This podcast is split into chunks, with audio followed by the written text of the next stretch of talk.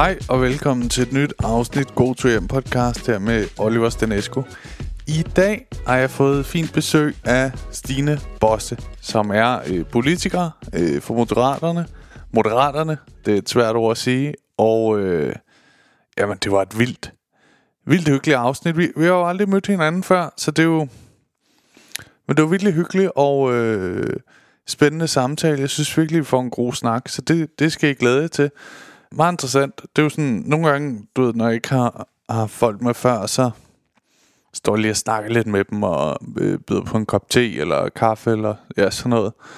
Og øh, jeg synes ret hurtigt, så, så fik vi en god dialog. Så jeg var sådan ret tryg i at tænke, når vi kommer til at, ja, at lave et godt afsnit sammen. Så det, det skal I glæde jer til.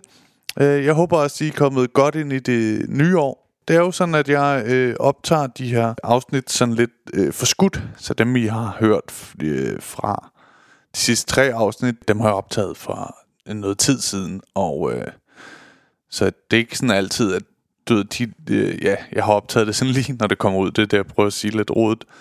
Og det her optager jeg også, inden det egentlig bliver nytår, faktisk på dagen, inden det bliver nytår, øh, den er. Så det er ikke så meget før, men... Øh, det jeg egentlig gerne vil sige, og jeg, sådan, jeg kommer mega kluntet ind i det, det er, at øh, mange af jer, I ved jo, at jeg har sklose og trigeminusneurologi, og øh, der er simpelthen sket det, øh, sådan, øh, da julefrokostsæsonen lige var startet, at øh, så gik min sygdom helt amok.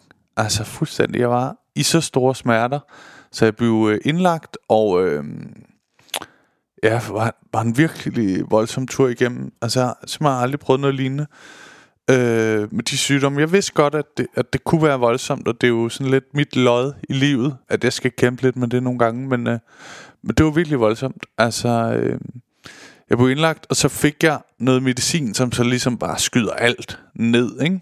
Og øh, det var sådan, jeg blev lagt med sådan en drop, øh, og det ville tage 14-15 minutter at få det der drop, og så siger lægerne, øh, du må endelig sige til, hvis du mærker noget ubehag på, på medicinen her. Og så går der sådan noget 4-5 minutter, og så er jeg sådan, altså du ved, øh, jeg, jeg kan ikke mærke mine ben. Og så er de sådan, nej nej, det er, det er medicinen, der er begyndt at virke. så det var, det var sådan, det var rimelig sygt. Så, altså jeg simpelthen, det, altså det var sådan, de spurgte, da jeg var færdig, er du okay? Og så sådan, altså jeg tror aldrig, jeg har haft det bedre. Det var øh, som at være på stoffer, ikke? Det var fuldstændig øh, magisk, var jeg ved at sige. Ikke for at opfordre nogen til at tage stoffer, men øh, ja, det var som at komme lidt, øh, lidt tilbage i min ungdomsår, hvor jeg gjorde det lidt. Øhm, så det var spøjst. Og så da jeg kommer tilbage på stuen Så spørger jeg en sygeplejerske Altså hvor, hvor længe var det her? Og så siger de øh, Tre dage kun. Så sådan, er, er det en joke eller hvad? Nej nej. Altså, Det var i tre dage det her. Og så aftog rosen ligesom dag efter dag. Og øh, at det var godt nok vildt. Altså på en eller anden måde håber jeg næsten, at jeg skal prøve det igen. Og på en eller anden måde, for alt i verden, håber jeg aldrig, at jeg skal prøve det igen. Hold kæft, jeg havde det dårligt. Og øh, jeg er egentlig stadig medicineret nu, og sådan... Øh, jeg ved ikke, om I har lagt mærke til det, men der er jo øh, simpelthen sker øh, nærmest ingenting på min SoMe. Jeg prøver lige at, at, at gøre lidt, men øh, jeg skulle ikke være så frisk. Så det er sådan rimelig, rimelig stille derinde. Og øh, ja, jeg, det kommer nok til at være i lige en måneds tid endnu, tror jeg. Jeg, jeg stiller roligt i gang med, øh, med dem, der har filmet og skal klippe Smalltalk-showet med at sådan, få det sat i stand. Ikke? Det er sådan, at øh, det er mig, der skal sidde og vælge, hvilke ting, der skal med for de fem shows, jeg lavede. Og så bliver det ligesom, så klipper de det ind på en fed måde og sådan, ikke? Men det, altså man har været så træt, øh, så, øh, så det bliver gjort sådan øh, i et stille tempo, ikke? Øhm, når I hører det her, så er jeg, øh, jeg har sagt ja til at være øh, vikar inde på P3, Morgen P3. Og det bliver sådan ligesom øh, det, jeg vil bruge min januar på, tror jeg. Så jeg kan starte lidt øh, stille op, tænker jeg, øh, med at være øh, morgenvært derinde. Det glæder mig meget til. Øh, og det, det tror jeg ligesom bliver det, jeg, jeg fokuserer min januar på. Ja, jeg har egentlig ikke så meget mere at sige, andet end... Øh, at jeg, jeg havde behov for at fortælle det her, fordi jeg nogle gange kan jeg jo være øh, helt øh, vildt ærlig i de her, og det, det er jeg egentlig også lige nu. Men jeg havde sådan en mærkelig øh, snak med mig om, sådan, hvordan, hvordan får jeg ligesom fortalt, at øh, det her, og ja, du ved, altså det, folk tænker jo ikke over det. Hvis du ikke fortæller det på et tidspunkt, så er du bare klar igen. Ikke? Og det er jo rent nok. Men jeg, jeg kan egentlig også meget godt lide det der med at være fuldstændig gennemsigtig. Og være sådan, hvis der er nogen, der havde tænkt over, at de ikke lige så noget fra mig, så, så, så vil jeg gerne sige det. Ja. Og sådan, da jeg lavede det der kronisk sjov show, så var der også... Og det kan lyde sådan helt selvfedt, ikke? Men der var nogen, der øh, virkelig synes, det var fedt, at jeg lavede sjov med det at have en kronisk sygdom. Øh, og det her er jo ikke som sådan sygt grineren, men, øh, men hvis det hjælper nogen, at jeg åbner op, det er nok det, jeg prøver at sige, ikke? Så, så vil jeg gerne det. Øh, det er ikke fordi, det gør noget for mig at, at fortælle det. Jo, det er rart at være åben, ikke? Ja, da, da jeg skulle blive udskrevet fra hospitalet, så oplevede jeg noget sygt grineren. Jeg, øh, jeg blev udskrevet, og så øh, de kører ikke en hjem, så jeg skulle tage en taxa hjem, og det, det var fint nok. Og så kommer jeg ind i taxaen, og han spørger så, er det, du ved, øh, er det dig, den har været, er du, øh, har du været indlagt, eller har du været inde og besøge nogen, og sådan, ja, men det er mig, og så forklarer jeg ligesom om, hvad det er, og øh, øh, der er sket med mig, og sådan, ja, sådan, ja, men det er sådan en trigeminusnave, der du ved, og det er på grund af, at jeg også har sklerose, og så videre, og så ryster han sådan på hovedet, og så siger han, ej, mand, det er de fucking vacciner, mand. det, det var seriøst første gang i sådan noget 14 dage, hvor jeg øh, simpelthen ikke kunne holde mit grin tilbage. Jeg døde af grin, og jeg var sådan, er du, sik- er du sikker på, at det er vaccinerne? Altså 100 procent. Så var han sådan, øh, for, for øh, fire dage siden, så fik min kammerat hjertestop, ikke? Og ved du hvad? Han var også vaccineret, ikke? Og jeg var sådan, jamen så behøver man jo ikke flere beviser. Og så for ligesom at, at, at male det hele til jorden, for kommer det sidste bevis, så siger han, og ved du hvad, jeg har ikke været syg siden corona, og jeg er ikke vaccineret. Jamen så, så er man jo fuldstændig øh, hands down. Det var sgu meget ret lige at have sådan en sjov oplevelse. Jeg vil bare lige forklare det her, og nu bliver det en lang intro igen, og øh, ja, det, det bliver det efterhånden tit. Altså, det er sygt ked af, men der var altså også mange, der godt kunne lide de lange introer. Øh, jeg kommer stille og roligt tilbage. Øh, jeg får det bedre og bedre dag for dag, så der går nok ikke længe, og måske bliver det også før. Øh, altså allerede i januar. Det, det håber jeg. Tak fordi I lytter med. Jeg håber, I vil kunne lide det her afsnit. God lytter.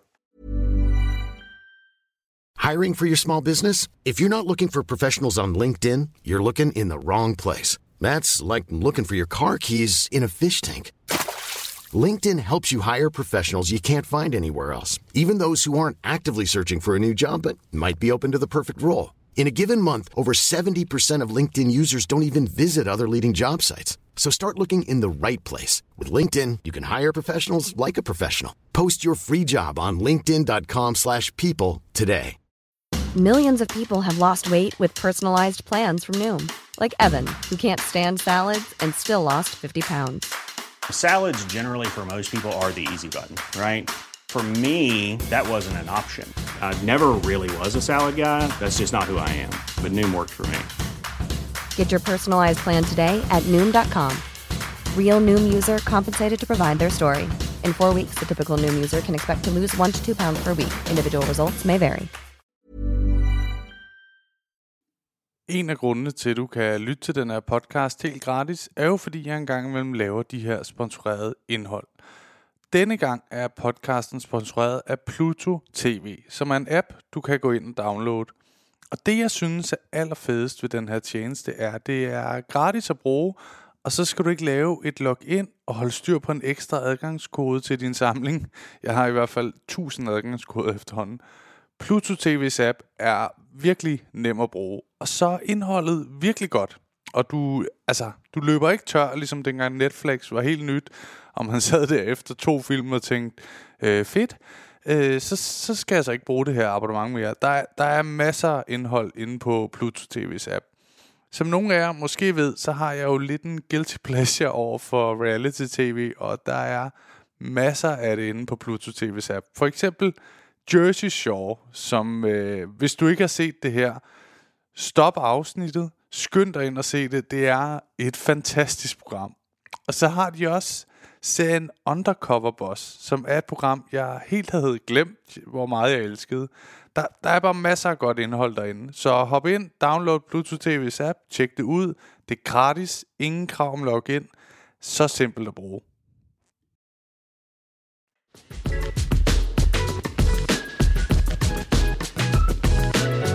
Jamen, øh, velkommen til, Stine Bosse. Tak. Dejligt Mange at have tak. dig med, og dejligt, du havde lyst. Altså, Super dejligt at være her. jeg har jo sådan, nu har jeg efterhånden haft øh, nogle, nogle politikere med, Ja. og øh, første gang, nej, første gang jeg havde en politiker med, var Claus Bondam, men han var så Ja. tidligere. Ja, en øh, eks-politiker. Ja, eks-politiker. Øh, og der, jeg kan huske, at da jeg havde Morten Messerschmidt med, mm. så tænkte jeg, at jeg bare skulle have sådan... Først tænkte jeg, måske skal jeg have fint tøj på. For ligesom... Jeg, havde, jeg har sådan en idé om, at, at jeg er politikere I er sådan lidt finere mennesker. Du ved, det, det var, I har, I har mange fine holdninger, og, øh, og, og tit også går pænt klædt jo, fordi I bliver meget eksponeret, ikke? Mm. Og så tænker jeg, nej, jeg møder op i sådan et gråt tracksuit. og, og da jeg ligesom stod over for Morten, og han havde skjorte og sådan en cardigan på ja. og sådan noget, så tænkte jeg, det er simpelthen for dumt, Oliver. Ja. Du skulle have taget skjorte på os. Men i dag har jeg sådan cowboybukser og hættetrøje. Jeg synes, du ser mega godt ud. Og det er jeg glad for. Og du ligner faktisk også en nogenlunde på din alder. Jeg håber også, jeg ligner en nogenlunde på min alder. Ja, jeg tør jo ikke helt spørge. Det er jo, det er jo frygten. Men det må du gerne. Jeg er 62. 62? Mm. Okay, så vil jeg faktisk, uden at det... Men jeg troede, du var yngre. Okay, pænt Ja. tak. Tusind tak. Men du er, du er kommet med i øh, Moderaterne nu, det nye parti, som Lars Lykke har startet. Og det er, altså til folk, der måske ikke kender dig så godt, før har du i sådan noget 12 år været direktør i Tryk. Det er rigtigt. Altså kæmpe business. Ja. Indtil jeg blev 50. Jeg var i tryk i 23 år, og ud af de 23 var jeg i topledelse i 12 år. Og de sidste år var jeg koncernchef. Sidste ja. 8 år. Okay. Og så blev jeg simpelthen så træt af, at det hele var gentagelser. Og jeg er et meget, meget nysgerrigt menneske. Ja, Og så sagde jeg, nu skal jeg noget andet med mit liv. Okay. Og så sagde jeg mit job op, og alle var sådan der, wow. Jamen, det er en stor stilling, ikke? Jo, jo, jo. Ja. Altså, også en rimelig god løn. Og kunne forestille mig. øhm, så har jeg lavet masser af bestyrelsesarbejde og frivilligt arbejde Ja. i 12 år, næsten 13. Jeg har lagt til at tage mikrofonen lidt op. Det kan du tro. Sådan, så er det perfekt. I næsten 13 år. Ja, Og så øhm, har jeg også flirtet med politik. Det har du også fået færden af, kan jeg fornemme. ja, Det har været sådan lidt, du ved, kunne du ikke tænke dig at... ja. Men jeg har aldrig været særlig sådan, du ved, jeg har aldrig følt, at dansk politik, sådan, du ved, minister eller folketingsmedlem, Nej, at det var mig.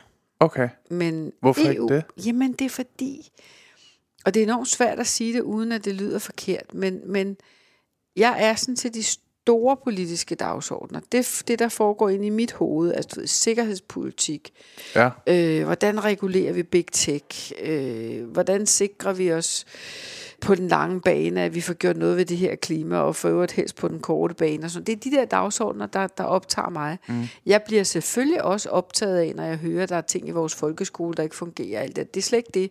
Nej. Men jeg, jeg er ikke god til den del af det, og den lader jeg trygt mine kollegaer i Folketinget tage sig af, og så håber jeg, at jeg får lov til at lege med, med de andre dagsordner i, i øh, Europaparlamentet.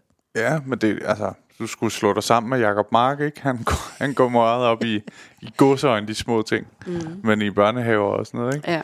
Men jeg kan da godt følge det lidt. Det er, det er da interessant, hvis man kan rykke på nogle ting, der sådan har indflydelse på os alle sammen. Ja. Er det ikke sådan... Det er sådan, det er. Ja. Jeg har også lige set dig i debatten, ja. Som øh, jeg hygger mig faktisk meget med, ja. Selvom det tit er lidt alvorligt. Ja, men, øh, det er det ofte. Det men- er en fed form, synes jeg. Du kan godt lide det? Ja. Hvorfor? det Hvad er det, tiltaler ved det? Jamen, jeg kan godt lide... Altså, jeg kan godt lide at debattere. Ja. Og jeg kan godt lide, jeg synes, det er øh, Clement evner, og man kan enten lide det eller lade være. Der er jo alt, øh, øh, alle holdninger der. Ja, ja. Men jeg kan godt lide, at han får det peppet op.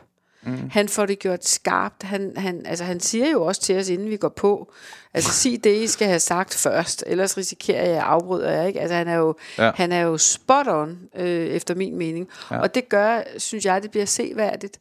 Hvor øh, igen, da jeg var barn og ung, der kunne sidde sådan, ofte var det kun mænd, øh, og ofte var de i hvert fald 60 plus, ikke? og de Jo. sad bare og talte. Og, og, ja. og det ville jo aldrig virke i dag. Aldrig. Altså nej, folk som bare ville være der, Ja. være der i tre sekunder, og så videre til det næste. Ja. Og den præmis køber jeg faktisk. Øh, Jeg synes, vi bliver skarpere, når vi bliver sådan, du ved, Ja, det skal gå hurtigt, ja, du det skal, skal gå sige hurtigt, det nu. ikke? Lige Jo. præcis. Og så synes jeg, at han, øh, eller udsendelsen, for det er jo andre end, end Clemen Kærsgaard, jeg synes, de er gode til at blande. Der er nogle politikere, og der er nogle eksperter, og så er der nogle, ofte også, at det du kunne kalde en, et menneske, der bare har prøvet noget af det, man taler om. Ja. Og det synes jeg er en rigtig god anerkendelse også af, at, at øh, man skal ikke sidde og kloge sig, man skal også lytte på dem, der faktisk har, har skoene på. Ikke? Så det, det kan ja. jeg godt lide. Ja, for det, det er jo også, du taler lidt ind i sådan, det jeg nogle gange kan have lidt øh, sådan ved politikere, det er, når, man, når de har været på øh, borgen i tilstrækkelig mm. lang nok tid, så pludselig er det som om, de bliver en maskine lidt. Mm. At sådan, Nå, men, yes, det her svarer jeg ikke på, og du ved, og, ja. Og, og, og nej, det har jeg ikke nogen holdning til, og, Ja. og man tænker sådan, altså, hvor var det den, den der gnist, der ja. var i starten? Ja. Altså man kan godt øhm, for at tage en, så du, øh, hvor vi ved, at øh, du må være sådan nogenlunde enig, men Lars Løkke for eksempel, Ja. synes jeg faktisk, øh, og ikke fordi jeg sådan er enig i alt, hvad han øh, siger, men øh, ham synes jeg faktisk er en, der har holdt øh, den der lidt menneskelige Ja. figur. Det synes jeg også. Og jeg tror lidt, det er fordi, at man nogle gange også ser ham i en, nogle ikke-politiske formater Ja. så man sådan har fået sådan lidt et billede af, om han, han er sådan en lun fyr. Ja. Altså det er sådan, jeg tænker ja. på ham. Ja. Men det er han også. Ja. Altså, og jeg tror, man skal være den, man er. Ja, Altså, øh, jeg, jeg, jeg, jeg har jo også lyttet til mange mennesker, der siger, nu må du ikke gå hen og blive politiker. øh, det gør jeg selv alligevel. og det, og det, det gør jeg jo ved, at jeg stiller mig til rådighed og sætter rumpen i klaskehøjde og hvad det nu ellers er Ja. alt sammen. Ikke? Men, men jeg bestræber mig på, at i den måde, jeg taler på, i den måde, jeg tilgår det på, også dem, som, som kan opfattes som mine konkurrenter, Ja. øh, i en debat. Ikke dem, der jeg er voldsomt uenig med, men dem, som måske ligger tæt på mig. Ja. Dem har jeg da tænkt mig at være helt hudløs ærlig. Altså, nu kunne du se forleden dag, Kristel Schaldemose og jeg, vi var jo rørende enige. Ja. Hvorfor skulle vi stå og prøve at lade, som om vi ikke var det? Altså, det synes jeg bliver så dumt. Ja. Hvorimod, at øh, Anders Vistesen øh, er jeg voldsomt uenig med. Og, og det glimrende, at det bliver vist og kommer frem, men, Ja. ja. men, men i, i nogens optik, så skulle jeg også ligesom lægge en kant til Kristel, og det synes jeg bliver forkert. Mm. Når der er en anden kant, der er så tydelig og vigtig, så må, må det være den, der ligesom klarer den. Ja, bestemt. Har du, er, føler du, fordi før har du været meget sådan, jeg mener mellem årene, mellem tryk og ja. Politik, øh, som har været en øh, 10 år eller sådan noget, ikke? Ja, ja. 13.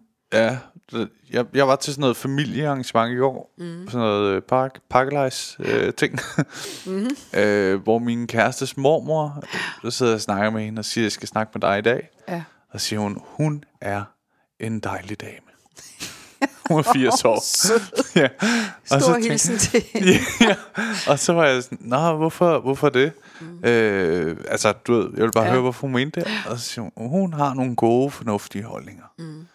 Og så tænker jeg, nå, det må, det må, fordi jeg tænker, når man er direktør i Tryk, så er man ikke sådan vildt, øh, altså det må have været de år, hvor du har været en form for debattør, eller ja. Sådan, ikke? Men jeg tror faktisk også, altså når jeg sådan selv tænker mig selv baglæns, og det er jo enormt, det er jo at skrive sin egen historie Ja, kontrafaktisk.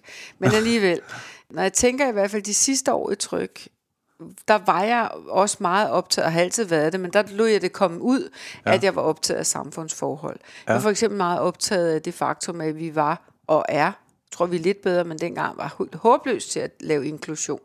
Og alt det der ja. integration, det bliver simpelthen noget vrøvl, ikke? fordi så skal man lave om på sig selv. Det skal ja. ingen mennesker gøre. Så man skal. Nej. inkludere hinanden. Ikke? Sådan nogle ting gik jeg op i faktisk også. Og talte meget om altså også til, offentligt. langt tilbage til ja, Tryk. ja, ja, ja, også tilbage til tryk. Plus, at jeg var også kendt for hende der forsikringsdirektøren, som jo gik ud og sagde, jamen, øh, nu bliver præmierne dyrere. Altså ikke noget med ja. at gå og putte med det. Vær ærlig og sige til sine kunder, prøv at her, der er sket sådan og sådan, og vi er nødt til at sætte priserne op på grund af de her de ting. Ja. Og så var vi faktisk også optaget af at sætte priserne ned igen, mm. øh, når der var basis for det. Ikke? Så jeg var, sådan, jeg var nok en lidt anderledes forsikringsdirektør. Jeg gik også op i klima. Ja. I 2007 havde vi en stor konference med nogle journalister mm. om klimaforandringer. Bagefter kom nogle af dem, og det var sådan erhvervsjournalister, ikke? så kom de over og sagde til mig, altså vi troede ikke, du var NGO-direktør. Det var ikke venligt ment. Nej. Men, men jeg så nogle ting ske, ikke også? Og som Jo. jeg synes var vigtige, som jo også har en økonomisk vinkel, men jo sandelig også en samfundsvinkel. Ja. Og, øh, og det var den måde, jeg var leder på, og det er jo så også det, jeg har foldet ud, øh, som din mormor sikkert refererer til, efter jeg stoppede i tryk, ikke? som Jo. formand i Europabevægelsen og formand for Blandt Børnefonden og så videre, ikke? Ja. og debattør. Ja, fordi altså, det er jo, man, har du tænkt over det, at der, du, øhm, ja, du siger det lidt med røven i klaskehøjde, men at der kommer nok til at være endnu flere nu, der kommer til at have en endnu skarpere Ja. holdning til dig. Ja. Altså, Selvfølgelig. er det noget, man bliver lært op i, hvordan man dealer med det? Øh, det gør man ikke, men jeg. Nej. tror, at jeg kvæg jeg er blevet ældre. Mm. Altså, og det mener jeg vidderligt er en stor fordel for mig i den her sammenhæng. Fordi jeg er faktisk et ret følsomt menneske. Ja. Så når folk har skrevet, du ved, historisk har de skrevet dumme svin og grimme kællinger, altså Ja. alt muligt på sociale medier, ikke? Rigtig sådan Ja. hyggeligt. Nogle dejlige ting at få at vide. Ja, og der tænker jeg nu, for det første er jeg blevet bedre til bare at ignorere det. Mm. Og for det andet er jeg fuldstændig bevidst om, at når du skal vælges, skal du ikke have 100% af stemmerne. Det er der ingen, der får. Nej. Det, det giver jo ingen Det vil være mærkeligt. Det vil være meget Så er der mærkeligt. fup, så er jeg. helt fup og fidus, ikke? og ikke ja. demokrati. Så jeg skal bare være rigtig glad, hvis vi kan få to pladser. Ja. Og, og det er sådan i størrelsesorden øh, 400.000 mennesker, ikke? der skal stemme i vores retning. Og det er mange. ja, det tænker jeg. Øh, og, og, og, men, men det er dem, jeg skal snakke med, og det er mm. dem, jeg skal tale til. Det er dem, jeg skal ligesom sådan få til at synes, Ja. at det, som jeg og Moderaterne står for, er en god idé. Og det gør mig rigtig tryg, fordi jeg ved, at der er nogen, der aldrig kunne drømme om at stemme i min retning. Ja. Altså, som vi siger, det er jo altså, frygteligt, ja. hvis det kunne gå så galt i godsøjne. Ikke? Jo. Og så er der nogen, som er tryg ved mig, og det er jeg selvfølgelig rigtig glad for. Nu, nu taler du ind i, at du er sådan, at det er de store emner, du godt kan lide.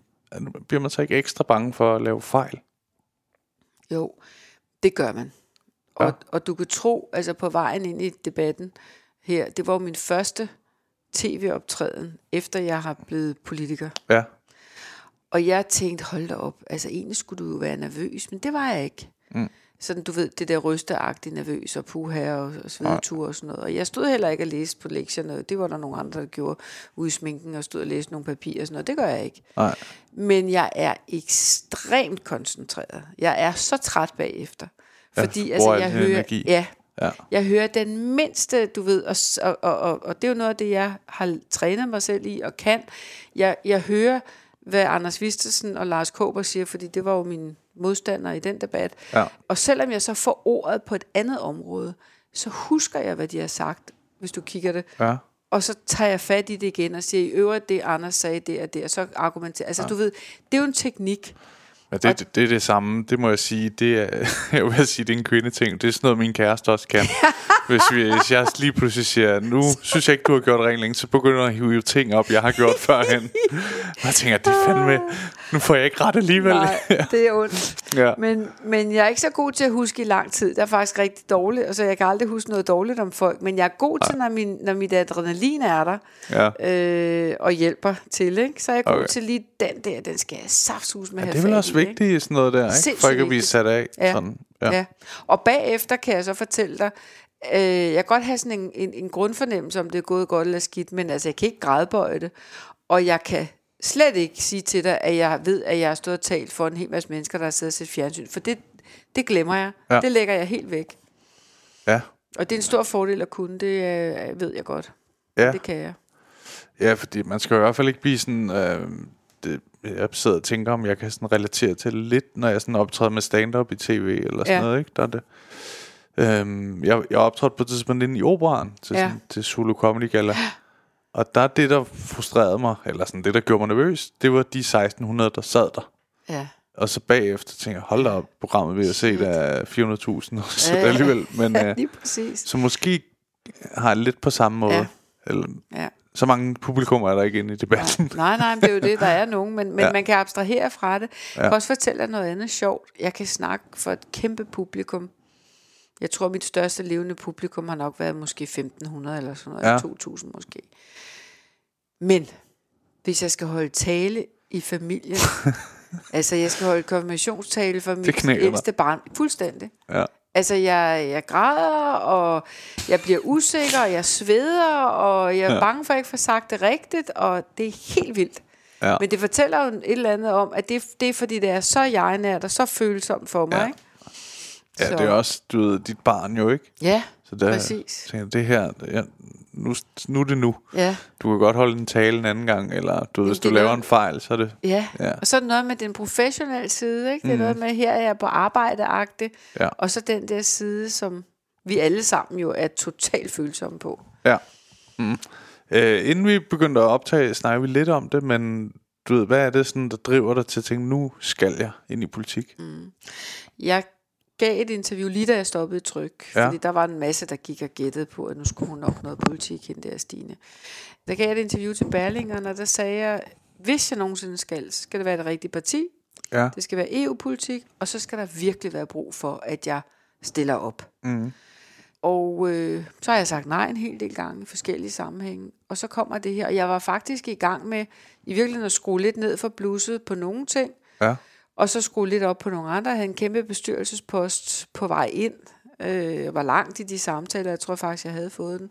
Okay. Og, øh, og så kommer henvendelsen her, og jeg tager de her samtaler, og så kontakter jeg, eller ikke kontakter, jeg rigtig lyder så formelt. Jeg ringer til min datter og siger, "Ved du hvad, der er sket noget mærkeligt i mit liv. Hun var på sommerferie. Ja. Men altså, nu er jeg blevet spurgt om sådan og sådan, og jeg var medlem, og det var jeg også før valget. Jeg har været medlem i siden tre uger før valget. Og så, okay. siger, så siger jeg til hende, jeg, sgu ikke rigtig, jeg ved ikke rigtig, Sille, hvad tænker du? Så siger hun, mor, det skal du. Der er noget, du ikke har gjort færdigt. Og lige Og det præcis være sjovt, hun siger ja, det. det var Ja. sådan, jeg følte det. Og, og der blev jeg bare sådan bekræftet i, for det var sådan, jeg havde det indeni. Og så tænkte jeg, et, det er det rigtige parti. Jeg er så glad for det parti, og det ståsted, og Ja. ja, på hele paletten. To, det var EU, så det var den næste boks. Og tre, jeg synes, at når man bliver spurgt, om man er, øh, har nogle erfaringer at byde ind med, mm. eller man er ung og har nogle af de indsigter, som unge mennesker sidder med, ja. øh, så synes jeg faktisk, vi er forpligtet, og mere i dag end nogensinde, fordi vi har altså nogle kæmpe store kriser, Ja. som vi skal have bukt med. Der er selvfølgelig klimaet, jeg tænker Ja. må være en af de allerøverste. Ja. Og så øh, selvfølgelig øh, krigen i Ukraine, ikke? Ja. som er sådan helt forfærdelig. Um, Og den anden krig. Altså to Ja. ja. krige ikke så langt Ja. ja. fra os, ikke? Jo, jo, jo. som spiller ind på alt muligt, der har med os at gøre. Hvordan er billedet hos jer? Fordi må- jeg må indrømme, mit billede af alt det med Hamas og sådan Mm. noget, det er, det, det kommer til at stille af. Ja, og nej. Okay. Altså forstået på den måde, ja, det, det, kommer til at finde en løsning. Ja, En her nu løsning, som bliver sådan en eller anden, du ved, hvor man står og kigger på hinanden, og så skal der altså findes en to-statsløsning. ja, Det har jeg jo så til gengæld hørt fra jeg var helt ung øh, i forskellige afskygninger, men, men jeg tror måske, og det lyder lidt voldsomt, men, men, men det gode midt i alt, det fuldstændig grusomme, det er, at nu begynder verden måske også for alvor at få øje på, at det, altså det her skal løses. Ja. Det er en, en bunden opgave. Så det er jeg nok enig med dig i. Om, om jeg så tror, at det er noget, der ligger lige foran os, det er, det er jeg mere i tvivl om. Men, men rent sådan, du ved, krigshandlingsmæssigt, der må vi i hvert fald alle sammen øh, have en fornemmelse af, at det er nødt til at stille af.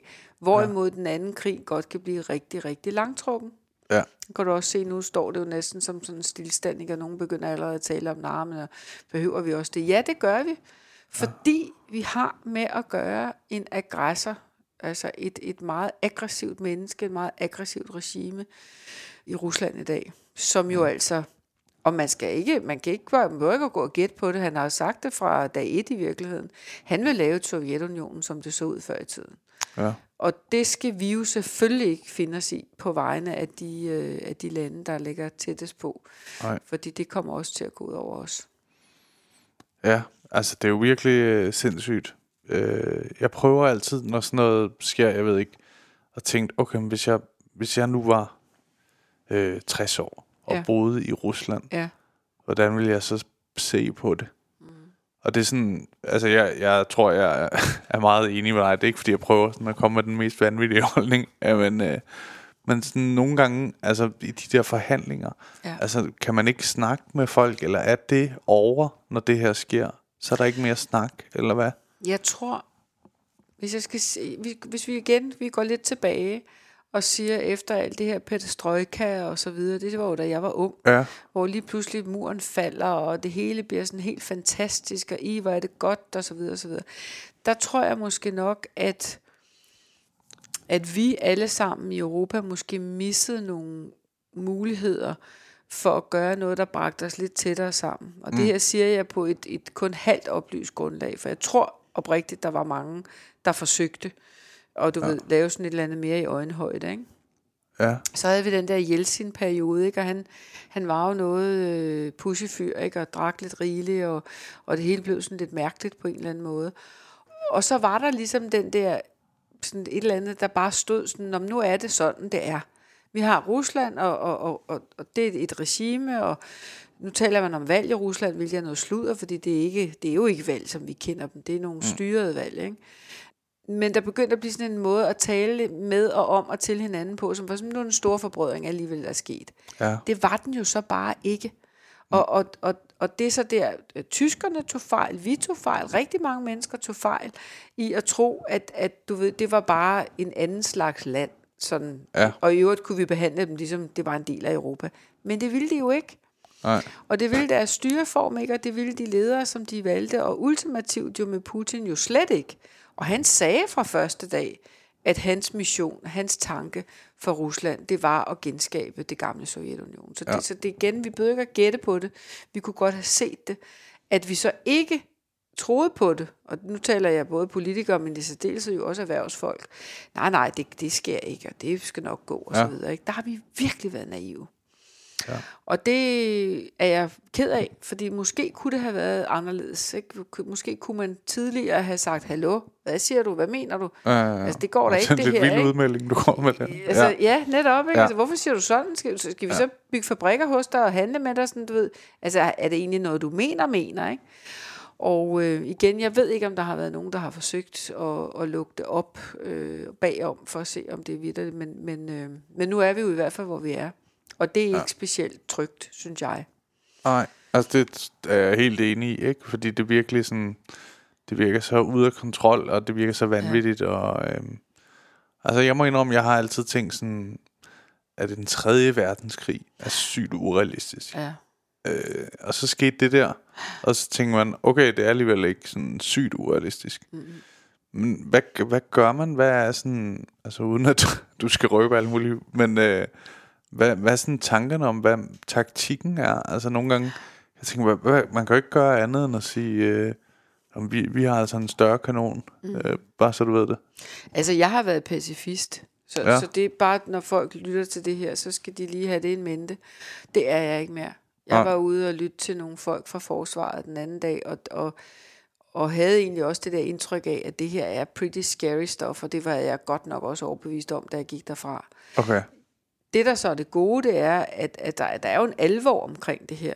Altså, ja. der er ikke nogen, der går rundt lalleglade nu og siger, det her det er bare business as usual. Og, altså, efter Krim kunne vi jo også godt have regnet noget ud, ikke? Og tænkt, ja. ups, ikke? Han, han gør altså nogle ting, ham der. Og der tror jeg simpelthen, der er virkelig en, en, en, en stemning rundt om det, der siger, vi skal simpelthen ikke være naive. Vi, vores forsvar skal være stærkt. Vi bruger flere penge nu på forsvar. Ja. Lur mig om ikke, vi kommer til at bruge endnu flere penge. Og det er ikke fordi, jeg synes, det er en fed tanke. Det er simpelthen fordi, jeg tror, det er en nødvendighed. Ja. Og jeg tror også, det er en nødvendighed, fordi hvis du så kigger, nu har vi ligesom kigget mod øst og lidt mod syd, men kigger vi mod vest, altså det er jo heller ikke en fest derovre. Nej, nej, nej. Øh, så jeg tror slet simpelthen, at, at, at vi er nødt til at sige til os selv i Europa, at vi skal have vores, det siger jeg lidt ungt, shit til at fungere. Ja. ikke? Altså vi kan ikke bare øh, kigge efter nogle andre. Vi simpelthen får orden i vores eget penalhus, hvad angår forsvar. Ja. Og det gør vi selvfølgelig i NATO-rammen, som ja. gør NATO stærkere. Det siger NATO i øvrigt også. Altså, I skal bare få jeres ting til at virke sammen, ja. så forstærker det jo hele NATO-blokken, ikke? Så, det tror jeg faktisk er rigtig vigtigt. Ja, men for eksempel i den der snak om, om Ukraine skulle være en del af EU, mm. altså, øh, der virker det bare på ham, som om, at det har været en helt klar, øh, hvad skal man kalde det, sådan en skillevæg for øh, Putin, i at øh, hvis det sker, jamen, så er det en krigserklæring, ikke? Ja. Øhm, Men jeg synes jo, han erklærede krigen. Hvis jeg Altså, men, helt nå, men, ja, helt enig. Altså, og, jeg, Ja. og jeg tror ikke, altså hvis vi nu for eksempel sagde, ah, det der med Ukraine og EU, det, det kan han bare blod på tanden. Ja. Altså han forstår et sprog, og det er stop. Mm. Og, og, og det er militært på en eller anden måde. Det er ret uhyggeligt, det jeg siger her. Det er jeg jo Ja. godt klar over. Men det er min inderligste overbevisning. Han har ingen respekt, ingen, øh, du ved, der er ikke noget sådan, hvor man siger, okay, nå, så stopper vi her. -agtigt. Det kan godt være, at vi kan presse ham til det, men det er militært. Ja. Og det kan godt være, at, at du ved, der bliver nogle mellemløsninger. Det er jo også mit gæt af mange årsager. At man ikke bare siger, nu bliver, nu bliver Ukraine fuldgyldigt medlem af, af EU. Jeg tror, der bliver nogle faser. Ja. Og det bliver også nogle faser, hvor man skal lægge et lille øre til væggen øh, i Rusland og sige, okay, hvad det her noget, I kan leve med, uden at I så tager det som en krigserklæring. Altså, det ja. bliver langt, det her, ikke? Jo. Men, Men- er det her en form for 3. verdenskrig? Altså selvom jeg godt er klar over, fordi der er alle, alle lande er jo involveret Ja. I en eller anden for grad. Altså du ved, Biden han siger tit noget om det, og du ved, donerer øh, våben og sådan noget, ikke? Og, Jeg er rigtig ked af at svare ja. ja, Men desværre tror jeg, at det er der, vi er. Ikke som vi kendte den, Nej. altså en verdenskrig, som vi kendte den, men jeg tror, det er en verdensomspændende konflikt, lad os kalde det det. En krig er isoleret jo, Ja. men en verdensomspændende konflikt. Lad mig give dig det nyeste eksempel, og det flugter med et andet af, noget af det, jeg håber, jeg får lov til at arbejde med. Vi skal have løst vores grænser mod syd. ja, Vi kan ikke bare sige, kom her og bo alle mennesker. Det kommer jo ikke til at virke. Virker ikke for landene i syd, virker heller ikke for os. Mm. Vi har en forpligtelse til at hjælpe der. Og lige præcis i går var der øh, opsag i Niger, en aftale med EU, som handler om at få du ved, styret det her øh, migrationsflow. okay. Og Altså en aftale omkring, en aftale omkring, at de skal stoppe menneskesmuglere, at de skal have bedre grænsekontrol. Okay. Altså, du ved, du kan sige, en fremskudt øh, grænsebehandling i Ja. ja. virkeligheden. Ikke? Og Niger ligger jo lige midt i Afrika, hvis man Ja. ja. får det billede der. Ikke? En rigtig, rigtig vigtig aftale, og den har virkelig også kostet knapper for EU. det har den altså bare. Øh, og det var jo sådan noget, vi skal bygge meget mere af. Jeg tror stadigvæk på det. Ja, Og jeg tror, vi skal, vi skal øh, blive ved med at investere mange penge i det. Og i det ligger også, at formeningen er, man regner med, at en ting er, at, at der er nogle menneskesmuglere med stor indflydelse i Niger, der har sagt, at vi mangler nogle penge. Altså, mm. vi, vi mangler at tjene penge her. Øh, og den anden del af det er, at man regner med, at Putin har pustet til det. Ja. Hvorfor gør han det? Det er jo fordi, han er ude på én ting, destabilisere Europa. ja, Og det kommer til at kræve rigtig meget af os. Det kommer også til at kræve, at vi tænker på helt nye måder i forhold til, hvordan beslutter vi, i forhold til, hvordan, hvor, hvor hårdt går vi til værks, når vi laver de her øh, grænsedragninger mod ja. syd osv. osv. Men også, at vi selvfølgelig siger, at der er en vej til Europa, men vejen til Europa hedder uddannelse. Mm. Så, så du ved, det, det, det er både blødt og hårdt, ja. det der kommer ja, til at Enormt virke. skræmmende egentlig. Ja, det er øh, det. Det er også, det virker som en meget intelligent move af ham, hvis det er sådan. Det. Men han er jo skakspiller Ja. og blændende intelligent. Ja, Det er fordi det er jo... Øh, altså selvfølgelig skal man være intelligent for at have hans position. Men øh, man må indrømme nogle gange, når man sidder og ser nyhederne, så tænker man, øh, ikke han er det. Nej. Med de sådan meget, øh, hvad kalder man sådan noget, stupide. Altså han virker sådan meget, ja, Men han er jo, undskyld mig, han er jo, hvad hedder Magtliderlig. sådan noget, det er han. Altså som i fuldstændig. Og så altså øh, lidt afstumpet. ja, det er jo det ord, jeg ledte efter. Ja. At det er det, man kunne sidder og tænker nogle gange. Ja. er simpelthen en afstumpet menneske. Ja. Men derfor kan du godt være usuligt velbegavet.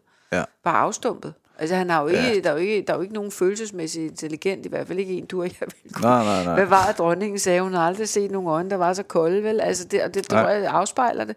Og, ja. og det kan, altså det kan for mig, det kan virkelig få de små hår til at rejse sig i nakken på mig, fordi du skal huske, 15 år efter krigen slutter, bliver jeg født. Ja. Det, så, så på mange måder var det jo, jeg synes jo, det var gamle dage, men det var jo ret nyt i virkeligheden, ikke? Også i min mm. barndom Ja. og ungdom. Og der talte man jo om Hitler, og hvordan kunne det lade sig gøre, og det her øh, øh, vanvittige menneske, hvordan kunne han få al den magt og den indflydelse, ja. hvorfor, hvorfor stod folk og hejlede? Jeg sad med et, med et forstørrelsesglas og kiggede på deres ansigter, fordi jeg tænkte, de kan ikke være rigtige mennesker, men det var det jo. Ja. Og det er det, vi skal være så forbandet ops på, at den type mennesker bliver født en gang imellem i vores verden. Ja. som kan få alle mulige til at marchere og gå i takt og gøre virkelig mærkelige ting, som man ville have forsvoret. Og det tror jeg, vi har med at gøre der. Ja, det er også, jeg så sådan en dokumentar om hans rejse ligesom, eller du ved, op til, det synes jeg simpelthen var så skræmmende, hvor målrettet det virkede. Hans liv havde bare været, jeg skal bestemme, og stille og roligt, duk, duk, Ja. duk, duk, så bestemte han. Ja, Og så har han bestemt lige siden. Og KGB-agent, ikke? Var Jo, ikke den jo, vej igennem, jo. han kom, ikke? Det, Jo. var, ja, Det er sådan virkelig skræmmende. det må man sige ja til.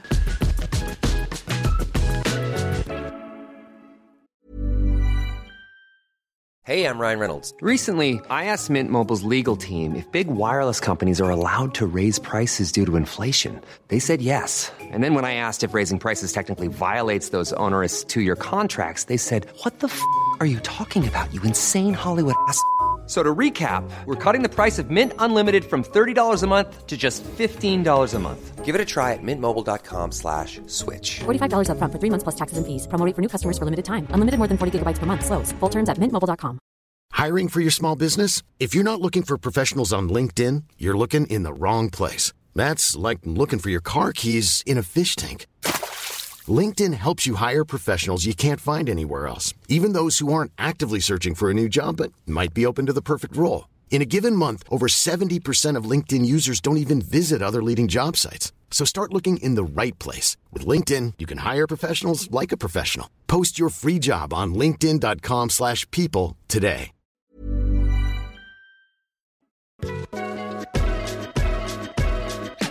Men øhm, jeg ved næsten ikke, hvordan man stiller et andet spørgsmål. Hvordan kommer vi ud af den her? ja.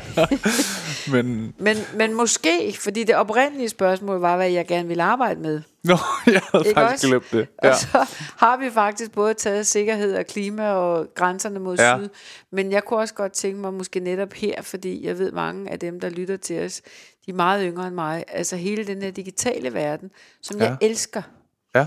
Og som jeg synes er noget af det fedeste og det sjoveste og sværeste. Mm. Altså jeg øh, skal virkelig stadigvæk øve mig i mange ting. Men også noget af det, hvor vi virkelig skal passe på at være vakse ved havelån. Ikke? Fordi den, den, den fucker med vores hjerne. Ikke? Altså alle de der sociale medier. Jeg opdagede det, da jeg besøgte Facebook. Altså over halvdelen, over halvdelen af de mennesker, der arbejder i Facebook. Ja. eller nu hedder det Meta, er psykologer. Er det rigtigt? Du ville jo tro, at det var programmører og ingeniører ja. og alt. Ah, ah, det er psykologer. Ja. Det er folk, der sidder og kortlægger, hvordan vi reagerer, hvornår vi reagerer. Apropos Putin, det er også skræmmende. Jamen netop, det er netop præcis ja. det, ikke? Ligesom du havde Goebbels, øh, der styrede det under Ja. ja. Hitler-regimet. Nu, nu har du nogle af de der, som har så stor indflydelse på, hvad vi tænker og hvad vi gør. Ja. Øh, og jeg synes jo, det er skide sjovt, hvis jeg klikker på en hund, så kommer der af hunden i spandevis, ikke? Jo. Det er meget gennemskueligt, men så er der alt det, vi ikke kan gennemskue. Ja. Alt det, vi siger, eller vi har været interesseret i at gå ind og kigge på noget, som vi kunne tænke os at købe. Alt det bliver puttet ned i en stor gryde, mm. og det bliver brugt. Men det må jeg indrømme, jeg tit har tænkt på, jamen, hvad skulle det bruges til andet end sådan, du ved, at sælge os ting og sådan noget? Styre os. Jamen, 100. hvor, altså, er det noget, man skal være bange for? Fordi nu, min kæreste er jurist, mm. ude på hendes arbejde, må de ikke have TikTok. Nej, det kan jeg godt forstå. Ja. Øh, Jeg har heller ikke TikTok. Nej, ja, jeg, har, jeg har det så. Så det, det er altså på den her telefon, der ligger Det er her. så fint. Vi Altså, sender en venlig hilsen. Ja, men, øh, men jeg har bare tænkt, okay, okay, jeg forstår det godt lige ude på hendes arbejde, så bliver der sikkert snak, sagt nogle ting, og Mhm. du ved, men for mig, altså hvad, min primære ting, er, at jeg tænker på, kan, kan vide, om det her kan blive en joke på scenen? Nu, nu tror jeg, at selvfølgelig kan det godt være dig, de targeter og siger, har lige præcis dig, Ja. af en eller anden grund, eller måske mig. Ja. Øh, hende der skal vi skulle have gjort noget med, ikke? men, men hvis der nu er, Ja, lad os sige, 200 millioner af dig, mm. ude i hele verden, som ligner dig egentlig ret meget, hvis vi sådan karakteriserer dig, ikke? Med Ja, sådan som type. Og, type Ja. og Ja. indstillinger, og det du laver, og det du går op i. Der er 200 millioner. Ja. Dem vil vi rigtig gerne, et, have køber noget specielt. Det er ikke ja. så, altså, Nej. det er ligesom okay, det er til at gennemskue. Ikke? Nu vil vi også gerne have, at de mener noget bestemt. ja, Det kan vi også begynde at, at fifle rundt med ind i deres hoveder. Ikke? jo, Så det, de bliver præsenteret for, når de går online, det er nogle ting, som gør, at de kan komme hen i retning af at mene at. Ikke? Ja. Og det er jo det, du ser for eksempel i USA, hvor der er nogle, ligesom sådan nogle kloster, så du så det jo næsten i, i det, der skete i kongressen. Ikke? Jo. Altså det er jo folk, der er blevet født med, eller ikke født, hvad hedder det, fedt, f, øhm, fodret Ja. med et sæt synspunkter. Ja, klart. Jeg forstår det bedre nu. Ikke? Han er... Ja, Og så bliver det magt. det er selvfølgelig rigtigt, men altså, jeg må indrømme, jeg... Altså nu, øh, i Danmark er gennemsnits-IQ'en jo for eksempel højere end i USA. Altså jeg må indrømme, at jeg tit har tænkt, at sådan noget, det sker sgu ikke i Danmark. Altså der er vi simpelthen for grund... Ja. Altså, sådan, ej, det lyder også lidt klamt, men sådan at rose også lidt. sådan. Men at, at, ja, det har jeg nok tænkt, at Ja. jamen, det skal være nogen, der bor et eller andet, du ved, der, der selv sådan har ikke gået i skole, og ja. du ved, Jeg håber, du har ret. Og jeg ja. tror også, du har ret så langt, at jeg tror, risikoen i Europa er mindre. Men du kan jo også se, altså hvis du går ind og ser den der øh, dokumentar på, jeg tror den er på Netflix, der hedder The Big Hack, Ja. som handler om Brexit. Og hvordan Brexit efter alt at dømme blev styret af Meta, Facebook ja. dengang, og russiske penge. ja, det, det er sygt skræmmende Det er også. vildt. Men Ja. gå ind og se den. Det kan jeg kun opfordre folk til. Ja. Og så kan man trække lidt fra, eller lægge lidt til. Det må man jo selv om. Mm. Men, men der var i hvert fald, og det her ved jeg 100%, i den kommission, der sad dengang, som hed Juncker-kommissionen, det ja. før den her, der var man meget forskrækket over det, der skete. Ja. Og det er derfor, nogle af de regler kom om regulering, om du ved, man er nødt til at sikre, at ting bliver taget ned, der er noget, man ikke kan poste og sådan nogle ting. Det er en direkte udløber af, at man sagde, at det her det er simpelthen for vildt Okay. og farligt. Ja, det, det er stadig en teori, det der, ikke? Altså, jeg, jeg mener ikke, det er en teori. Jeg mener, det, for mig er det dokumenteret godt nok til, at man kan sige... det øh, er og hvis man det er. også fulgte debatten dengang, altså du kunne jo sidde og se herover ja. i den her del af verden, han er sagt lige over på den anden side af den engelske kanal. Ja. Altså prøv at høre, de fylder folk med løgn. Og de mennesker var jo rigtig mange arbejdsløse mennesker oppe i, i, i nord i England, totalt desillusionerede, elskede ja. deres, øh, det eneste de lever for, det er deres fodbold og deres popbesøg, and that's it. Der er ikke noget arbejde, der er ingen udsigt, der er ikke noget. De skulle bare have dem til at stemme, Ja. at de skulle ud. Ikke? Og så var der nogle stærke pengeinteresser i den anden ende, øh, og nogle af dem taler man også om, øh, at pengene kom fra Rusland. Ja. Så det, Det, går nok også, altså det er jo sådan helt, det er scary stuff, men øh, det er skakspillet, der er Ja. begyndt, ikke? Op til nu. Mm. Ja. Men det er jo det, der sådan... Altså, hvis man nu skulle lege... Jeg har egentlig altid interesseret mig sådan semi for politik. Jeg tror måske, jeg interesserer mig lidt mere for det end gennemsnittet. Ja. Det er mit billede af Ja. Altså, jeg synes, det er lidt sjovt at snakke om det end de fleste, ikke? ja. Men øh, jeg har alligevel aldrig nogensinde tænkt, at jeg skulle gå ind i det, fordi jeg ville tænke, altså jeg, jeg har sgu ikke en holdning til alt muligt. Altså jeg synes, det er sjovt at sådan, jeg tror faktisk min primære ting er, at jeg synes, det er sjovt at se, om jeg kan rykke folk. Ja. Sådan uden, altså som, Ja, en, ja, ja. som mit eget lille Putin-spil, ikke? Ja. du ved, mit, Ja. mit metagame. Ja, ja, Men ja, øh, ja. Altså jeg tror, har du altid følt dig sådan sikker i dine holdninger? Og sådan tænkt, det her mener jeg. Nej, jeg har også flyttet mig. Ja, Altså øh, i den grad på nogle ting, hvor Ja. jeg bare må sige, at øh, verden er ændret. Og altså, som jeg siger, jeg har været pacifist, det er jeg ikke. Nej. Øh, det er jeg måske nok helt inderst inden af natur, men, men nu har jeg jo altså set, hvad der er sket med, med, med, med Putin og alt det, vi talte om. Så der har jeg flyttet mig.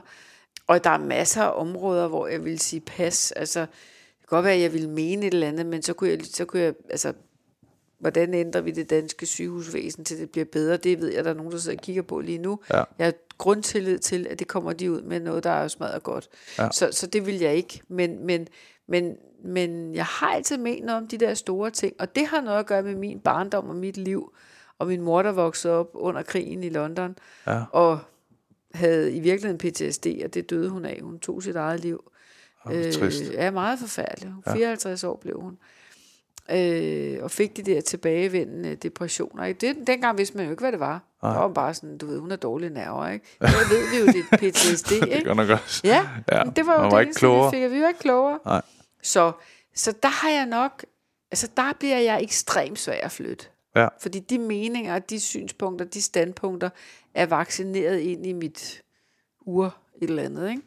Hvor for eksempel, at jeg har, at jeg har flyttet holdninger til, jeg troede jo på et tidspunkt godt, vi kunne øh, håndtere, øh, at i virkeligheden har jeg aldrig troet, vi kunne håndtere al migrationen, det, så, så det er egentlig noget slut. Men jeg er nok blevet lidt mere hardcore på, hvordan vi løser øh, øh, migrationsproblemstillingerne, ikke, end jeg var engang. Ja. Øhm, så jeg flytter mig, når jeg synes, jeg kan se, der er noget, der er anderledes. Og jeg mener ikke noget om alt, fordi så, det, det synes jeg, det, det giver jo ingen mening. Mm. Jeg prøver at mene Men noget for- der, hvor jeg synes, jeg har forstand på det. For eksempel, øh, jeg har stemt på øh, øh, ikke mange forskellige partier, og det har været sådan lidt i samme bås alligevel. Men jeg har da rykket parti, når man Ja. har skulle stemme. Ja. Der har jeg tit nogle gange tænkt sådan, altså, der er mange politikere, der skifter parti, men det virker nogle gange mere som øh, en nødløsning end Ja. så meget andet. Ja. Har du tænkt på det der, hvis du lige pludselig er sådan, Nå, men jeg, jeg er måske øh, så nok ikke SF, men du ved, jo, lad os bare sige det. Ja. Sådan, Nå, men jeg byder lidt mere som Jacob Mark. Ja, ja. Jeg kan godt lide Jacob Mark, men jeg bliver aldrig SF'er. Nej, Og jeg, jeg jeg- synes også, han virker jeg, meget sympatisk fyr. Ja, Jeg jeg har været medlem af tre forskellige partier, dem kan jeg også godt fortælle, hvad Jeg kan også sige, helt, da jeg var helt ung, Ja. der var jeg med til at starte DSU.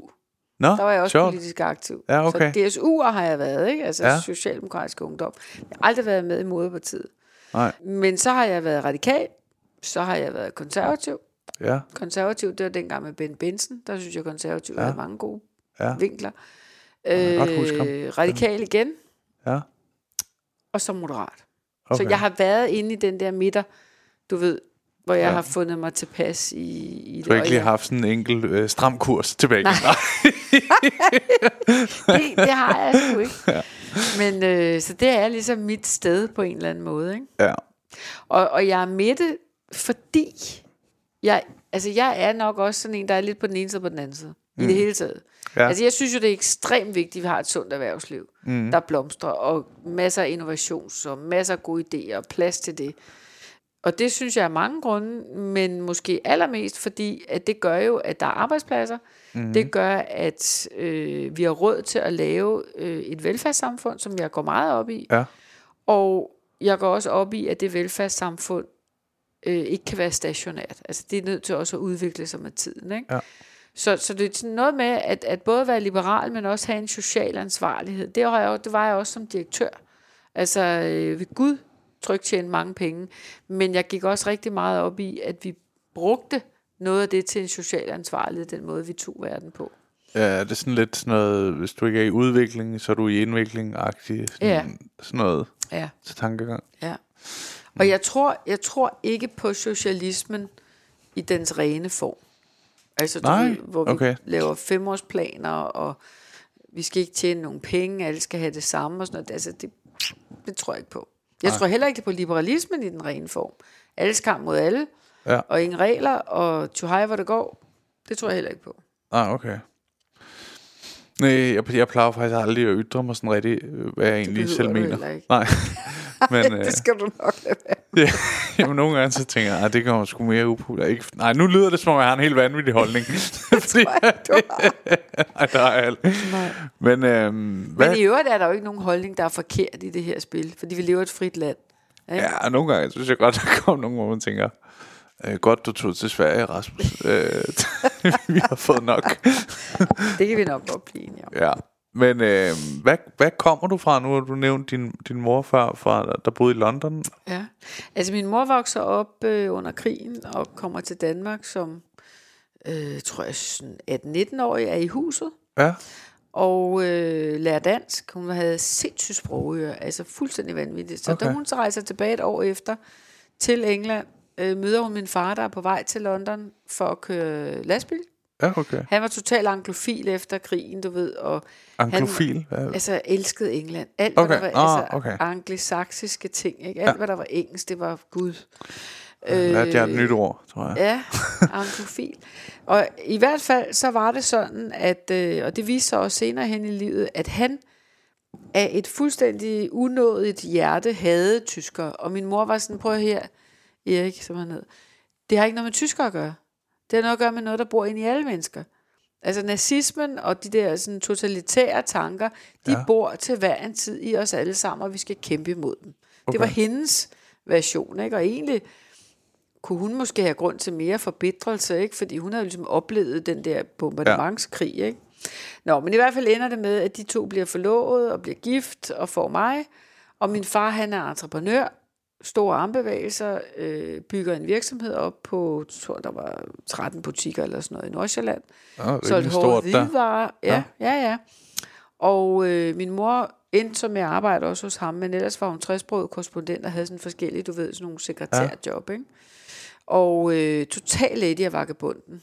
øh, og meget sådan op og ned kærlighedsforhold, ikke? Okay. Som, og jeg er enebarn, så det der med at sidde bag på den knaller der, det var altså nogle gange virkelig hæftigt, ikke? Fordi Jo. jeg vidste aldrig, om de var ved at blive skilt, eller om de var ved at blive forenet igen og sådan noget. Det var, det var jeg, jeg kan smile af det i dag, Ja. ja. det var ikke sjovt. Nej. Altså, jeg synes ikke, det er noget, man skal tage sine børn med igennem. Nej. Øh, og der er jeg selv jo også været lidt mere hardcore. Hvis det ikke det virker, så virker det ikke, og så skal man stoppe det, ikke? Det er jo så godt nok, at du har lært af det. Fordi Ja, nogle gange så, så spejler mønstret jo Ja, så så, bare tager videre. man det med igen Ja. i, i...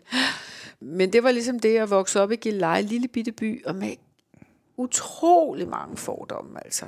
Øh, Ja. Virkelig.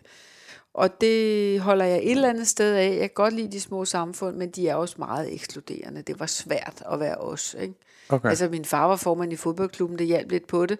Men, ja. men altså, det der med, øh, vi levede meget anderledes end, end, end den store population i Gilleleje dengang. Og der, Hvordan var Gilleleje dengang? For nu, nu er det sådan lidt fint jo, ikke? Lutten var luthersk mission. Ja, okay. Og, og, og altså, du ved, meget missionsk. okay. Meget religiøst. Øh, meget skønt. Altså, jeg siger Ja. det ikke nedsættende, fordi det var også meget varmt. Men det var meget svært, når jeg tænker tilbage, at komme ind. Altså, du var ja. ikke rigtig gildelejer, når du var tilflytter. Nej. Og det bar det altså præg af, og det er svært ligesom at sætte alle fingre på det, men ja, der var bare lidt det der med, at du blev aldrig rigtig en af vores egne. Ah, nej, okay. Så øh, ja, inklusion kommer i mange farver. Og så giver det måske meget god mening, så tænker jeg, at du måske er sådan... Ja, lidt en blanding af dine forældre nok, ikke? I dit eget arbejdsliv, hvordan det er mm. kommet frem. Mm. Det du- tænker jeg også. Du må have fået meget med alligevel af din far i at se det der, ikke? Jo. Hvordan han er sådan... Der må have været fart på. Altså, du, du, nu siger jeg sådan okay stort, men det er jo det er de færreste, der får en forretning, der har 13 forretninger. Ja, ja. Han gik også konkurs. Ja. Der var også fart på nedad, ikke? Ja, okay. og det, og det, det fortæller jeg Det også du så ikke altid, med. fordi det har jeg prøvet at undgå, ikke? Ja. Altså lære noget af det. Men, men, øh, men altid når jeg hører, du ved, nu er der så er der mange virksomheder, nu er der stigende antal, der går konkurs, og så, så tænker jeg altid, ja, det, en ting er et tal, men det er virkelig også en kæmpe ulykke. Ja. Fordi det er jo mennesker, som har skabt noget, som har knoklet, som har ja, grædt og svedt og alt muligt andet, og så virker det ikke, som de havde troet, af mange forskellige årsager ofte. Ja. Og det, øh, det er også bare rigtig, rigtig barsk. Ja. Det er det. Da, da jeg snakkede med Uffe Elbæk i podcasten her, der, ja. Der opfordrede han jo nærmest alle til at blive selvstændige. Ja, det gør jeg ikke. Nej, det kunne jeg næsten fornemme. Jeg synes, det er fedt, hvis man har det gå på mod. Ja, Og jeg elsker, ta- jeg elsker det entreprenante. Ikke? Jeg har jo levet op i det på en eller anden måde, vokset op i det. ja, Øh, det er en god energi, det er super spændende, det er go for it. Mm. Men hvis du inderst inde, i den måde, du tænker dig selv på, i det liv, du gerne vil have, ønsker, at du kan gå hjem, når klokken den er fire, så kan du sige tak for en dejlig dag til dine kollegaer. Du ved, lønchecken kommer. Øh, no stress in the evening. Mm. Gør det. Altså, det, det mener jeg vidderligt. Fordi Ja. du kommer til at knække dig selv, og dem, der elsker dig højt og så videre, hvis du laver, bygger om på de der ting. Omvendt, hvis du simpelthen ikke kan holde ud at have en chef, og du ikke kan holde ud at, at ikke få lov til at arbejde, hvis du har lyst til det midt om natten, og ja. i øvrigt er jeg ret ligeglad med, om lønchecken kommer, fordi der kommer nok et eller andet. Go and do it. ja. Så det er noget med, hvordan man er skruet sammen. Ja, men det er jeg helt enig i. At det, sådan, det var faktisk også det, jeg endte med at sige til ham, om han var sikker på, at alle ville være glade for det der. Ikke? For der er også mange, der elsker trygheden. Mm. At det er sådan... Øh, jeg er sådan, jeg følte mig egentlig ret ramt på nummer to type nu. Jeg er virkelig sådan en, der... Så kan jeg sidde og arbejde lidt om natten, og Ja. så hygger jeg mig med det, Ja. og sådan helt stille. Og, Ja, præcis. Så skal Øhm, du gøre det. Ja, og sådan noget. Jeg, har, jeg er slet ikke utryg. Det er sådan nogle gange, når, når man siger, man vil være stand-up-komiker, især i starten, hvor man ikke tjener så mange penge, Ja. så var der sygt mange, der sagde, hvor er du modig? Og sådan, det var du slet ikke klar over. jeg var sådan, åh, hvor fedt. Ja. Jeg føler bare, at jeg gør det eneste, jeg kan, agtigt død. Ja, ja, Eller ja. sådan, ikke? Jo. Jeg, var sådan, jeg, jeg føler mere, det er sådan, fordi jeg ikke orker at lave Ja. ja. det, du laver, agtigt død. Men altså, jeg synes jo, nu har jeg også snakket med mange mennesker igennem. Jeg kan se på dig, du kan lide det, du laver. Ja, Altså, det kommer ud af dig. og det er jeg glad for. Ja, når man Ja. vidderligt. Og det, og det, er- det, er det, der, det, det er sådan, det skal være. Man, Ja. må ikke, man må ikke tvinge sig selv, hverken den ene eller den anden vej. Man skal vidderligt, så kan der være perioder i ens liv og arbejdsliv, der er svært, og man skal Ja, ja, igennem klart. de der smertetunneler, hvad vi kalder det alt sammen. Ja. Men, men helt grundlæggende at være glad ved det, man laver, det er sindssygt vigtigt. Det er også virkelig noget, jeg sådan ikke anede, ikke var alle for ondt. Mm. Altså fordi jeg sådan, øh, tager jeg så bare min kæreste, der er jurist, ikke? Hun, hun fortalte, det var noget, hun fik at vide af hendes fars ven, bedste ven, tror jeg, ikke? Som var advokat. Og At- han sagde, det, at hun, Nå ja, det, skulle- den vej skulle ja, hun hun gå, skulle ikke? gå, ja. At så fik hun et godt liv, og hun følte nærmest, at det var det eneste, hun kunne. Og så fik hun taget den uddannelse, og nu, nu, øh, nu er hun så et sted, øh, hun er rigtig glad for. Mm. Men da jeg mødte hende, der var hun et sted, hvor altså mit billede af, at hun var lige ved at gå ned med stress. Mm. Jeg var sådan, altså du, på det tidspunkt var hun 25 år eller sådan noget. Ikke? Jeg tænkte, altså, det er fuldstændig sindssygt. Ja. Øh, og hvor jeg, jeg, jeg sådan, på et tidspunkt var der et eller andet, hvor at, øh, jamen jeg tror, det måske det var hende selv, der sagde, hun sagde, det er sådan vildt, at du glæder dig så meget til at tage på arbejde. Ja. Øh, Og sagde, det er sådan, ja, man skal have det. ja, Det er det. hvor det, det virker, hun, jeg tror ikke, hun hader det, men jeg tror heller ikke, det er, fordi hun er sådan. Så klokken 8, så hopper jeg ud. Nej. Men det er meget sjovt. Jeg har jo diskuteret det også. Jeg var, jeg var i mange år også HR-direktør. Ja, og det vidste jeg faktisk Så ikke. på vej igennem, inden jeg blev direktør. Ja. Og altså, jeg havde jo sådan en eller anden forkert opfattelse af, at alle skulle have det ligesom mig. Mm. Altså, du ved, glemme tid og sted. Jeg kan ikke finde ud af, om jeg er på arbejde eller jeg er fri. Og det er jo mm. vidderligt stammer fra min far og mit barndomshjem. Ja, Øh, så det er, den, ligesom, det er den motor, det er den energi, jeg har haft med ind i de job, jeg har lavet. Whatever it might be. Mm. Men så var der en dag en, der sagde til mig, det går ikke, at du tror, at alle mennesker er ligesom dig. Nå, du ved ikke hvad. Og der har jeg måske været nogenlunde på det alder med dig, eller Ja. ja. måske 35. Og så sagde vedkommende meget klogt, men prøv at høre, der er rigtig, rigtig dejlige mennesker. De går faktisk på arbejde, fordi de gerne vil tjene nogle penge. De vil gerne have det hyggeligt med deres kollegaer, and that's it. Ja, Og dem er der flest af. Og det er rigtig vigtigt, fordi vi kan ikke holde det ud, hvis alle var fløj rundt og skulle realisere både det ene og det andet, det tredje arbejde om natten og så videre. Ja. Der skal ligesom være nogen, der passer telefonen om dagen. Og det er fuldstændig rigtigt. Og der er ikke noget af det, der er vigtigere end noget andet, eller rigtigere. Eller så. Man skal finde sin egen plads i det der. Ja. Og det kan jo også skifte over livet. Der var en dame, der engang kom over til mig efter et foredrag, og så siger hun, jeg vil egentlig gerne spørge dig om noget. Yes, hvad kom sige frem? Jamen altså, øh, jeg er, nu kan jeg ikke huske, hvor hun var, i et eller andet kontor eller noget. Ja. Og, øh, og det synes jeg simpelthen er noget af det mest kedelige. Jeg vil så gerne være ingeniør. og hun sagde det, Ja, hun og jeg troede, du sagde det, nej, synes nej, jeg. Nej, nej, nej, nej, hun sagde det. Nej, nej. Hun sagde selv, jeg synes, Ja. det er så kedeligt, og jeg ved ikke, hvad jeg skal gøre. Jeg vil gerne være ingeniør. Og hun havde to børn og boede i et parcelhus, og så siger du må I gå hjem og tale med din mand, mm. og så må I aflyse øh, ferierne i nogle år, og så må I lege et værelse ud, og så går du på SU, og så kan I blive boende, og så bliver du ingeniør. Og så fortæl mig, om du gør det. Mm. Og jeg tænkte, det gør hun jo ikke, vel? Så går der et halvt år, så hun skulle gjort det. Og vildt nok. Og så har hun, øh, hvad hedder det, indrulleret sig og var på studie og var super lykkelig. Og hele familien var glade, fordi nu var hun også glad. Men det er jo også nogle gange, jeg tror, jeg tror virkelig, at det der, at nogle gange kan vi sådan, som danskere, jeg tror, det er lidt sådan dansker ting, at vi kan sådan, øh, man ikke tør drømme, ikke? Jo, Og man ikke tør sådan kaste sig ud i det, ikke? Ja, min far er jo romaner, ja, og jeg har altid følt, at den, sådan, den ting med at ture drømme, det er fra ham. ja, selvfølgelig. At øh, du ved, det der med, at der er sådan ikke noget, der sådan er for stort, til man må tænke på det. Nej, Øh, fedt. ja, Det er fedt. Hvad laver han i dag? Hvornår kommer han der til? Øh, det gjorde han i 87. Så ja. der var Ceausescu i et ja. Ja. par år mere, eller sådan noget. Ikke? Ja. Øh, han, øh, min mor, øh, hun er desværre død i dag, men ja. Hun øh, var sygeplejerske og var så nede i Rumænien med det læge uden grænser ting. Ah, Og så møder hun ham. Og øh, så, øh, jeg kan fandme ikke huske, men det er noget med, Altså tager hun hjem igen, Ja. men så bliver, bliver hun nødt til at tage tilbage. Selvfølgelig. Ja, Det var kærlighed. ja. Og så bliver de gift, Fedt. Ja. og så tager hun til Danmark, og han må så ikke rejse ud, fordi der ikke er nogen rumæner, der må rejse ud. Så han får lavet et eller andet med faktisk, at han skal rejse til Rusland. Der må de godt rejse til. Og så fra Rusland rejser han til Danmark.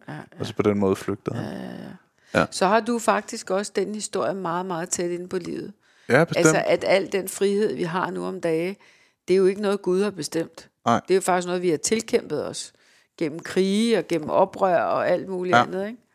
Jamen, det er stadig en stor ting, det med Ceausescu, når man Ja, ja. er i Rumænien. Selvfølgelig. Det bliver tit snakket om, når man uh, Ja. sidder og får noget af deres hjemmebryg ja. i en eller anden Kan, du, kan du tale romansk? Nej, desværre. Jo. Der er sådan... Ja, jeg er også meget ærgerlig over det. Ja. Min storebror har prøvet lidt som voksen ja. at tage noget Ja. øh, aftenskole og sådan noget. Ikke? Ja. Men øhm, Det er svært, hvis man ikke har det for barns ben. jeg tror, at det er fordi, da min far kom til Danmark, der oplevede han sådan meget... Øh, jeg ved ikke, hvor slemt det har været, fordi så meget har han ikke snakket om det. Men han oplevede i hvert fald en del racisme. Sådan. Det tror jeg på. Ja. Og vores forældre ville så ikke have, at vi lærte romansk, for de var bange for, at vi så ja. også blev ramt af noget af det. Ja. Øhm, så derfor har de ikke lært os det. Nej. Men, Ved øh, du hvad, jeg, hvis, hvis jeg en dag skulle lave et, et dansk politisk projekt, ikke? ja, det er simpelthen nødt til at dele med dig, og det har jeg bare tænkt i så mange år, så vil jeg lave den danske internationale folkeskole. ja, Prøv at vi har alle ingredienser. Hvorfor er det kun de velhavende børn, der skal gå på den internationale skole? ja, Forstår du, hvad jeg mener? ja, Med sprog, med kultur, med alt muligt skulle lave læreruddannelsen, så den ligesom kunne fagne det. Mm. Og så i stedet for at sige, nej, jeg puha, og det er ikke Ja. godt, så siger jeg, for sagomel, det er da, det er da en stor kompetence ja. at kunne tale for eksempel arabisk, engelsk, dansk mm. og tysk. Ja. Det er et sprog mere, end hvis du kun kan tale engelsk, dansk og tysk. Eller romansk. Men det er et kæmpe... Jeg havde jeg spillede meget tennis, da jeg var ung. Øh, og så skulle jeg spille... Jeg, var, jeg havde fået sådan et eller andet, hvor jeg kunne øh, komme på sådan en tennisakademi mm. i Spanien. Mm. Og så kørte min far derned, så havde vi sådan en bilferie sammen. Og han kan øh, tysk, lidt fransk, engelsk, dansk og romansk. Der kan du se. Og i de lande, vi kørte igennem, Selvfølgelig. Der- Der, kunne han klare sig. ja, der kunne han klare sig. Og jeg kan huske, jeg var Fedt. sådan helt... Ja. Fuck, hvor er det vildt. Ja, ja. Du, du kan bestille, ja, Ja, hvad vi ja. skal have på alle stederne. Ja. Det, er der, det er det, jeg mener med vores syn nogle gange. Ikke? Vi skal ture og vente rundt, Ja. og så sige, okay, hvad er det egentlig, vi lige har i gang med her? Vi afkoder nogen, der egentlig kan et sprog. Ja. Det tager vi fra dem, i stedet for at sige, okay, det er en gave. Ja. Det er punkt et. Og så bygger vi på derfra, ikke? Jo. Men øh, nå, det skal jeg ikke blande mig i. Det er, Nej, nej. Det er Men det er da en politik. god tanke. Ja. Hvad, hvad øhm, er dine drømme sådan nu, hvor du øhm, har skiftet lidt karriere? Hvad drømmer du om? Nu drømmer jeg jo om, at det her valg går rigtig godt. og, jeg, og jeg drømmer om, og det er virkelig ikke på mine egne vegne, det kan jeg komme tilbage til, men altså, jeg drømmer om, at Moderaterne får et rigtig godt valg. Og jeg drømmer i virkeligheden om, at midten mm. i europæisk politik bliver styrket. Ja. Fordi der er nogle fløje, og specielt er der en højre fløj, der lige nu ser ud til at blive uhyggeligt stærk. Altså AFD, ikke? Det der er, altså, de tumler lidt med nogle nazistiske undertoner og sådan noget i, i AFD, ikke? Mm. Og de står lige nu til omkring 20 procent Ja, det vidste jeg faktisk ikke, at du var så jo i meget. Tyskland. Jamen, det gør de. Rigtig meget i Østtyskland, desværre. Ja, okay. Men også i Vest. Hold da op. Ja, så har du Wilders, ikke? Gert Wilders, der bliver det største parti i, i Holland. Der sker, sker virkelig nogle ting rundt Du har øh, et, et øh, Italien, hvor, hvor øh, Salvini formentlig går hen og bliver stor igen. Mm. Så der sker nogle enorme ryg. Og det er derfor, ja, det er faktisk min største mission for det her, det er at være med til, at vi har en stærk midte. En midte, der kan løse problemerne. Problemerne er jo tårnhøje. Ja. Og hvis du får alt det derude, hvor man ikke rigtig, man synes ikke rigtig klimaet er noget, vi skal kigge på osv., det kan blive rigtig svært.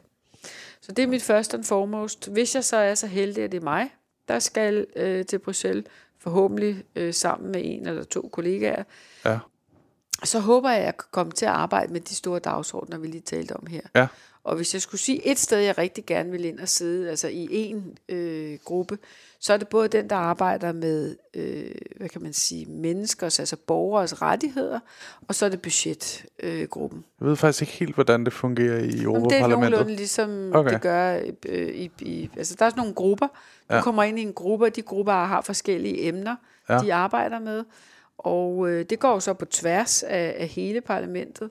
Og så arbejder du i de grupper på forskellige forslag, direktiver og hvad det hedder alt sammen. Det er Okay. jo en lovgivende forsamling Ja, ja, ja. i princippet. ja, det er bare fordi, man tænker, at det er så stort, Ja. at man sådan... Det må ikke tage initiativ til lovgivning. Det kan man jo også diskutere, hvor smart det er, men det må den ikke. Kommissionen kommer med, hvorfor, med forslagene. øh, hvorfor må det ikke det? Ja, det er sådan, det er konstrueret. Man kan, man kan spille bolde ind til kommissionen og sige, vi synes, I skal komme og foreslå det her. Pæne hentydninger. Men, øh, ja, men man kan ikke selv tage initiativ. Men det er der jo mange, der taler om, Nå. og det kunne man godt tænke sig, det blev sådan, at parlamentet også havde initiativret, som det hedder. Ja, det tænker jeg da også. Sådan, ja. Ja. Min umiddelbare tanker er også, jeg synes, det lyder Ja. lidt mærkeligt. Ja. Øh, Men konstruktionen er jo sådan, at du har nogle direkte folkevalgte, så har du jo nogle indirekte folkevalgte, der bliver til, til øh, rådet. Og Ja. det er altså for eksempel ministerne, det hedder også ministerrådet. Det er alle ministerne fra landene. Det kunne for eksempel være, hvis det var på sundhedsområdet. Nej, det er ikke, det er ikke et, øh, et område, der er mandat. Forsvarsområdet. Ja. Så er der alle forsvarsministerne, som samles og drøfter nogle ting. okay.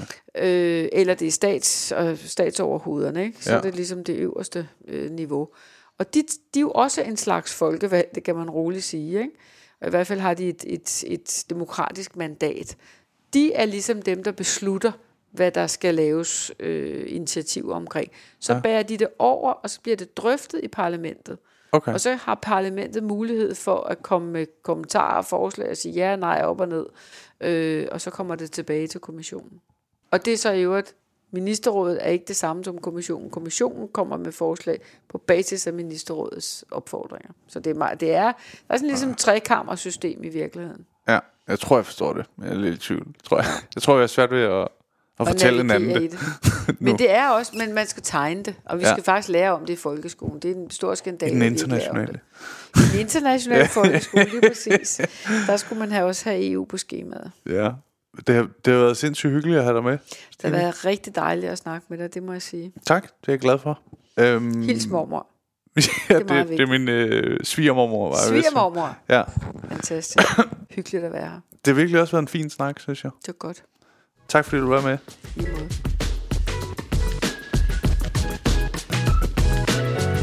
Det var afsnittet med Stine Bosse. Jeg håber godt nok, I kunne øh, lide det. Altså, også selvom der ikke var den der klassiske øh, god to hjem historie, så synes jeg virkelig, det var en øh, fin samtale, vi havde sammen. Tusind tak igen, fordi I lytter med. God tur hjem.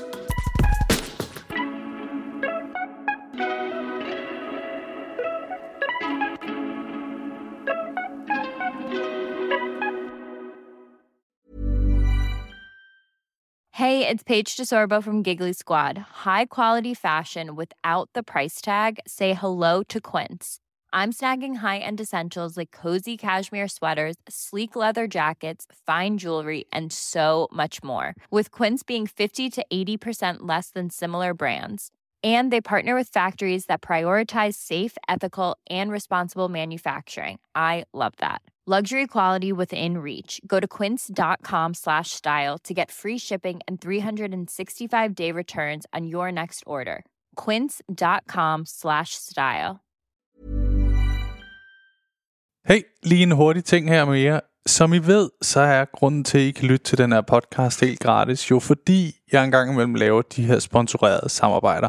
Og denne gang har jeg lavet et samarbejde med Just Drive.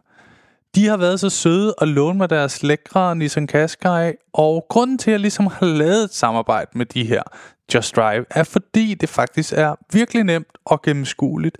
Og så har de ingen lange bindinger på bilen, som jeg nogle gange godt synes kan være lidt irriterende. Og så er der ingenting med småt, så ingen bekymringer. Og så går det bare lynhurtigt.